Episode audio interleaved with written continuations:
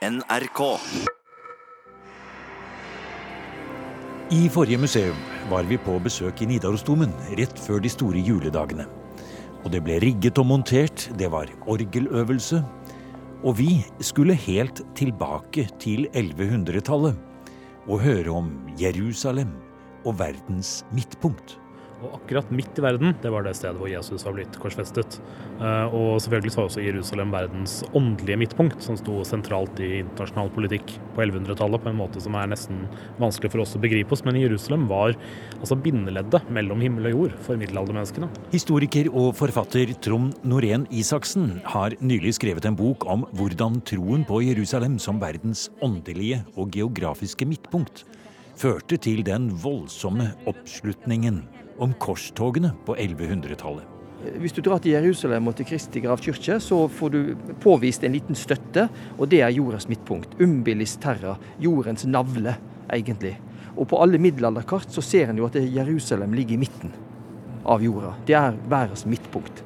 Øystein Ekroll fra Nidarosdomens restaureringsarbeider og kunsthistoriker Margrethe Syrstad Andås fra NTNU var med oss i forrige program for å forsøke å forklare denne voldsomme fascinasjonen av Det hellige land i middelalderen. Og ikke minst hvordan Nidarosdomen en gang var som et fargerikt og gyldent relikvieskrin for noen av verdens viktigste trofeer hentet hjem fra korstogene. Det var massevis av farger og gull og jeg skulle si jeg- er vel kanskje det ordet vi ville ha valgt i dag. Så må man tenke seg at det har vært mange altere langs eh, veggene. På de store festdagene så var alterskapene åpne, um, og da glitra det. Og, på, og i fasten så var det, var det tyngden, altså den menneskets soningsopplevelse som, skulle- som skulle fremgå. Så det har vært et rom som har vært levende på en helt annen måte enn det i dag. Nå er det likt til enhver tid. Det var det ikke den gangen. Skrinet med Hellig Olavs legeme, som sto midt i oktogonen, var hovedrelikviet i Nidarosdomen, og det som alt annet var bygd rundt. Men det var også mer. Noen av verdens aller viktigste relikvier sto utstilt i et sidekapell som bare de færreste hadde adgang til. For det var forskjell på relikvienes betydning. Noen var helt uvurderlige og hevet over alt annet på jorden mens andre relikvier kanskje kunne kjøpes på det lokale markedet. Da Sigurd Jordsalfar kom hjem fra sitt korstog, hadde han med seg noe som overgikk alt. De rikdommene som det nevnes i sagaen at han hadde med seg hjem, og som han ga til kirkene, det er jo helt åpenbart relikvier, som altså var mye mer verdt enn jordisk eh, gull og glitter.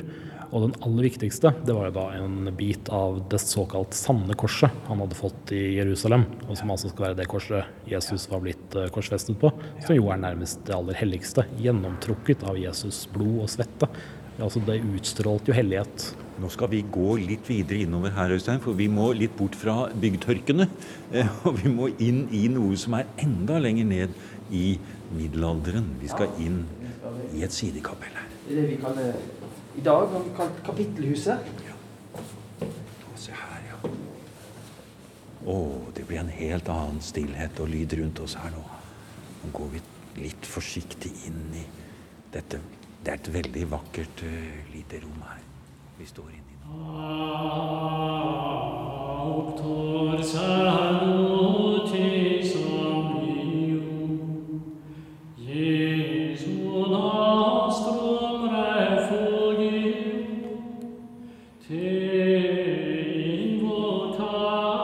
Her hører vi professor i musikkhistorie, Roman Hankel fra NTNU, synge et lite utdrag fra en relikviemesse fra 1100-tallet. Skrevet nettopp for Nidarosdomen, antakelig i forbindelse med at et av de fornemste relikviene i kristenheten, det såkalte fingergullofisiet, en dråpe av Jesu blod, kom til Nidaros. Opptaket er fra et museumsprogram fra 2004, og Roman Hankel sang akkurat i det rommet vi er i nå, kapittelhuset på nordsiden av domen. På museums podkastsider ligger fortsatt programmet med Roman Hankelen, hvor han forteller historien om hvordan fingergullmessen ble gjenfunnet. Der er det også et mye lengre utdrag av sangen.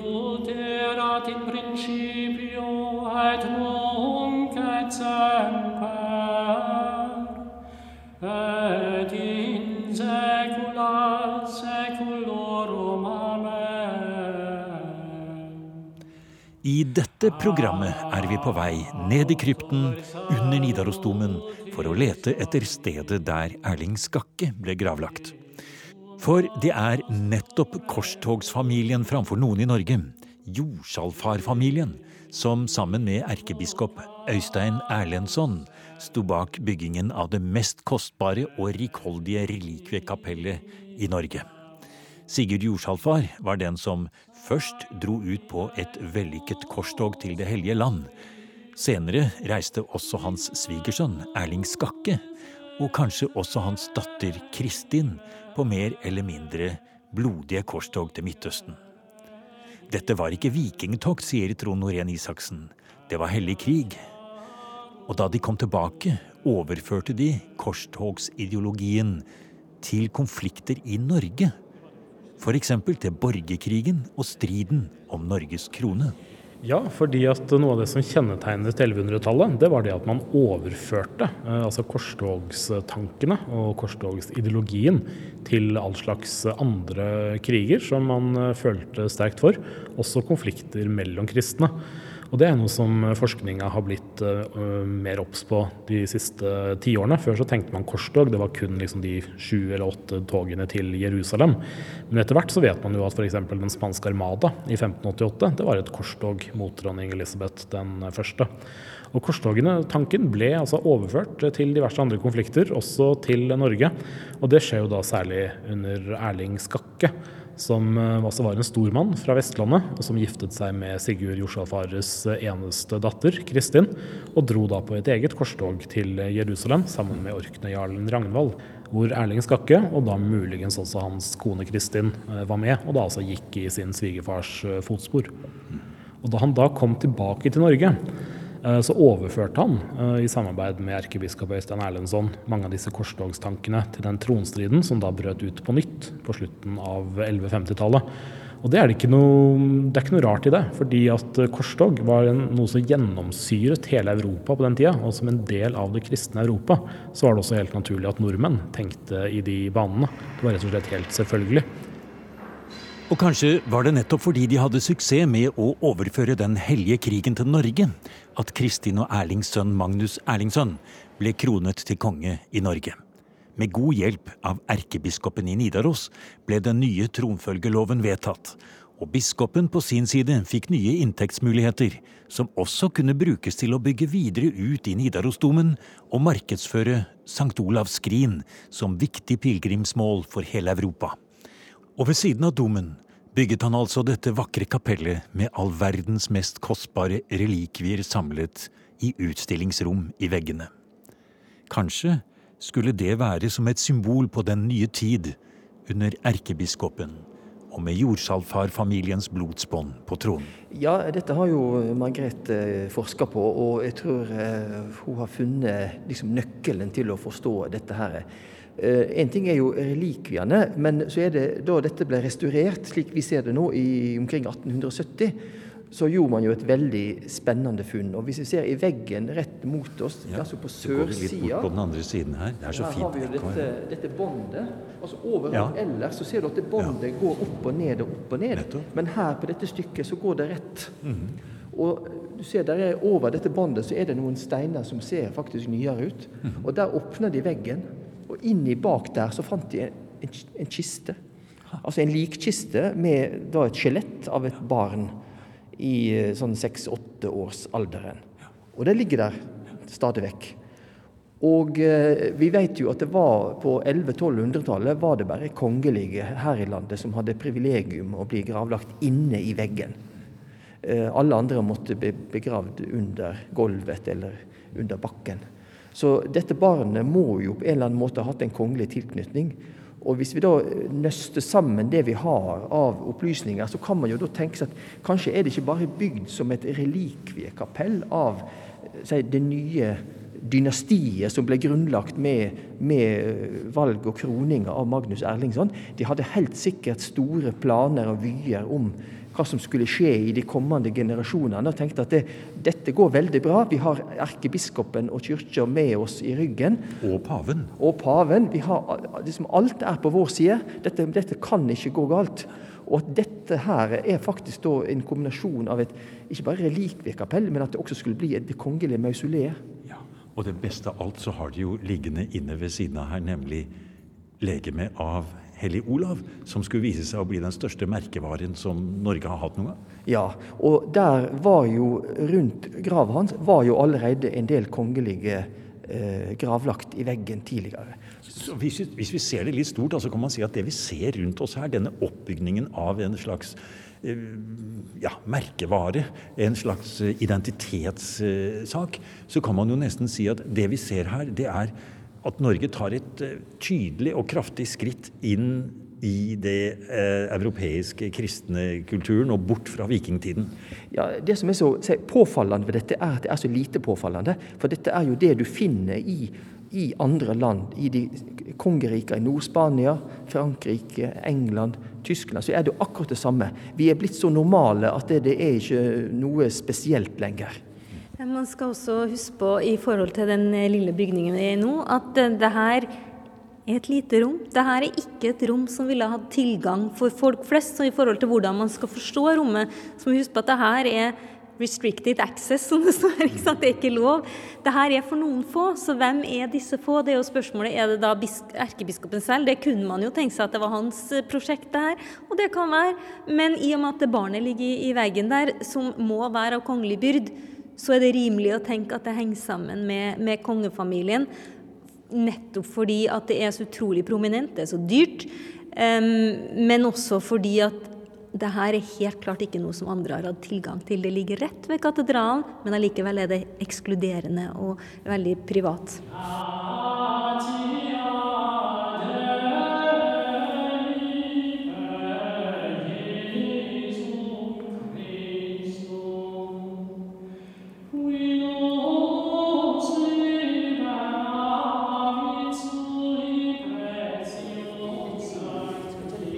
lyser du med en liten lykt, for det må man alltid ha når man er For det er mye oppi mørket her, og nå lyser du opp på kapitellene.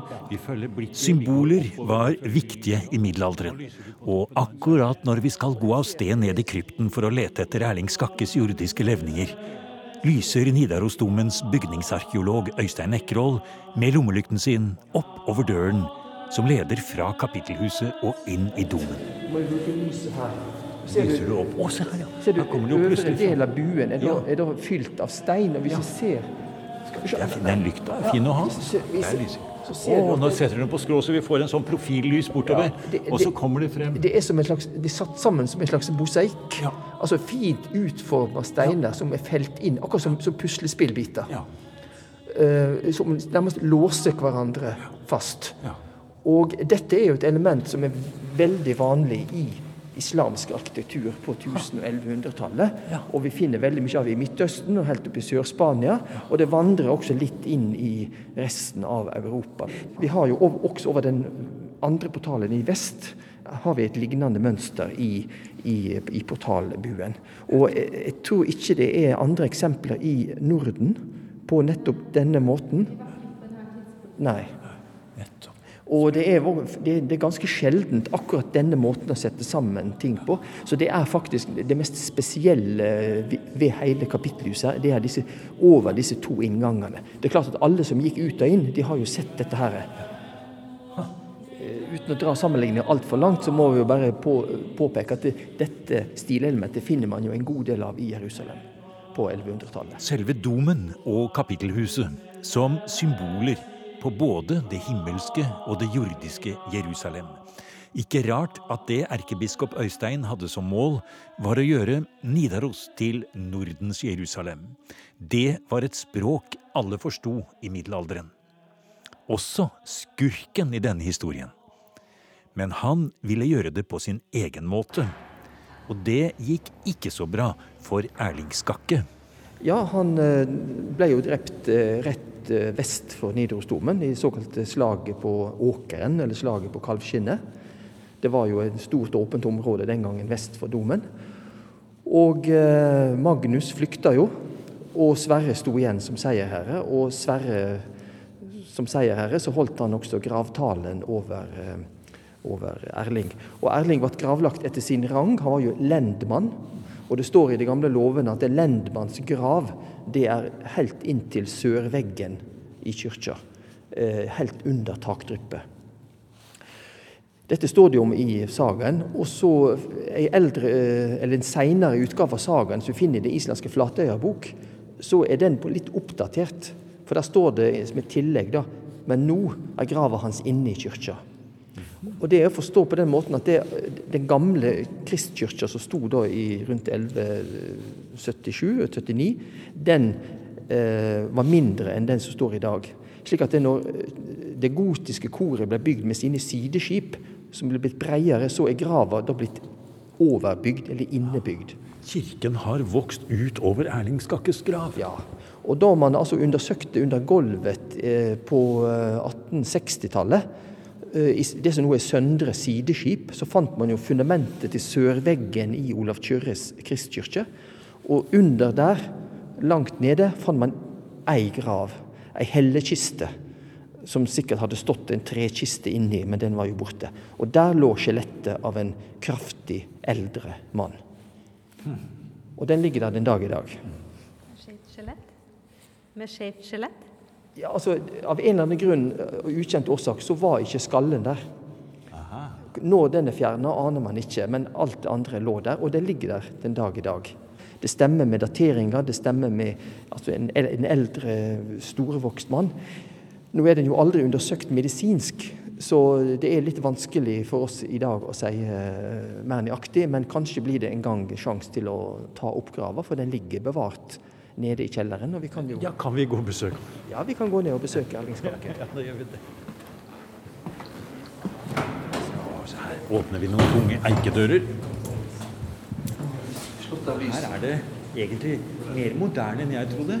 Ja, det er ikke moderne fasiliteter. Det må ha i katedralen også. Det er ikke som under Vår Frues eh, kirke. Nei, men eh, når vi kommer lenger inn, så skal vi se. Ja. Kommer vi inn, og her ser vi med en gang vi er tilbake i middelalderens eh, epitafer osv. Ja, dette er gravsteinsutstillinga. Ja. Der vi har de fineste middelaldergravsteinene stilt ut. Nå er vi midt under skipet. Dette er jo ingen middelalderkrypt, det er jo en kjeller som er gravd ut på slutten av 1800-tallet. Men her er veldig mange, veldig mange fine marmorsteiner med nydelig uthogde bilder og spennende innskrifter. Vi har prester, vi har fruer og riddere og Og symboler ser vi også her, og det er fragmenter av eh, steiner. Og eh, noen er godt bevart, så vi kan se hva de har forestilt. Andre er bare biter igjen av. Hva er det som står her, da? 1200-1300-tallet nede. En prest eller munk, ja. ser en prest, han har tonsur. Ja. Han er barbert på toppen av hodet og løfta hendene i bønn. Ja. Så hadde det vært, dette er bare nedre del av en stor gravstein. Så har det vært en helgen over som denne presten ber til eh, da. Eh, dessverre er altså de fleste er, er knust fordi de var brukt som byggemateriale etter reformasjonen og funnet igjen da når man tok ned senere vegger. De som er bedre bevart, er veldig slitt, for de lå da i gulvet som eh, rett og slett gulvheller. Og er, og er veldig eh, slitt vekk, da bilder og innskrifter. Altså, man kan se at Her er det jo et bruddstykke av en gravstein av en eh, mann som bærer det som var altså en hertugkrone. Dvs. Si et slags eh, bånd med blomsterornamentikk. Og det er jo kun én mann eh, som har dødd som hertug i Norge, og det er jo da hertug Skule.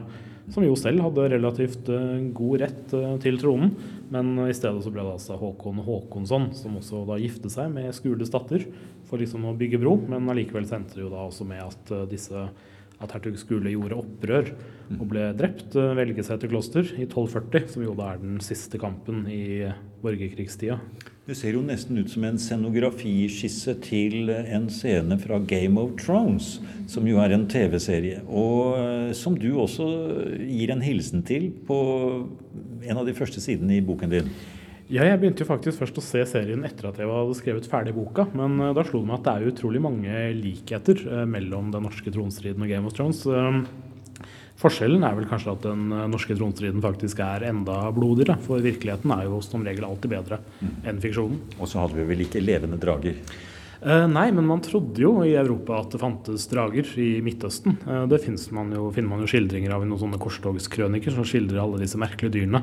Og der er det en detaljert skildring av drager som ser helt annerledes ut enn i Game of Thrones. Det er mer en sånn enormt slangelignende vesen eh, som er så stort at det med enkelthet dreper elefanter, står det. Mm. Ikke noe sånn ildsprutende dinosauraktige ting som man ser på TV.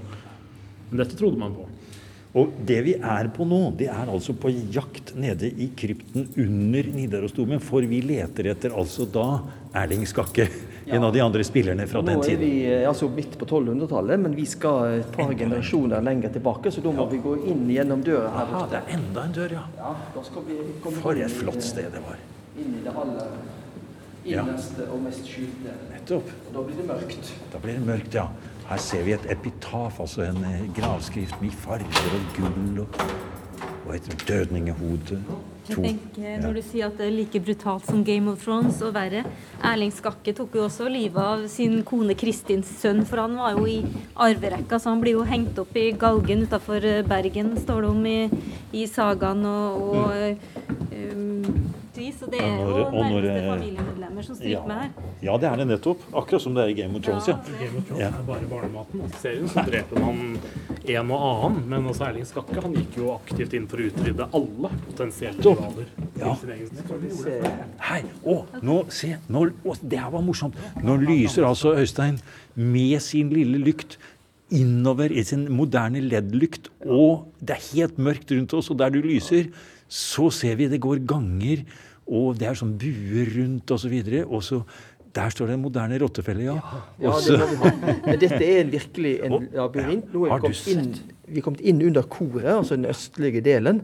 Og, og, her er veggene det, det er middelalderstein, men det er faktisk en del av det gamle hovedtårnet som ble brukt til å bygge opp disse pilarene.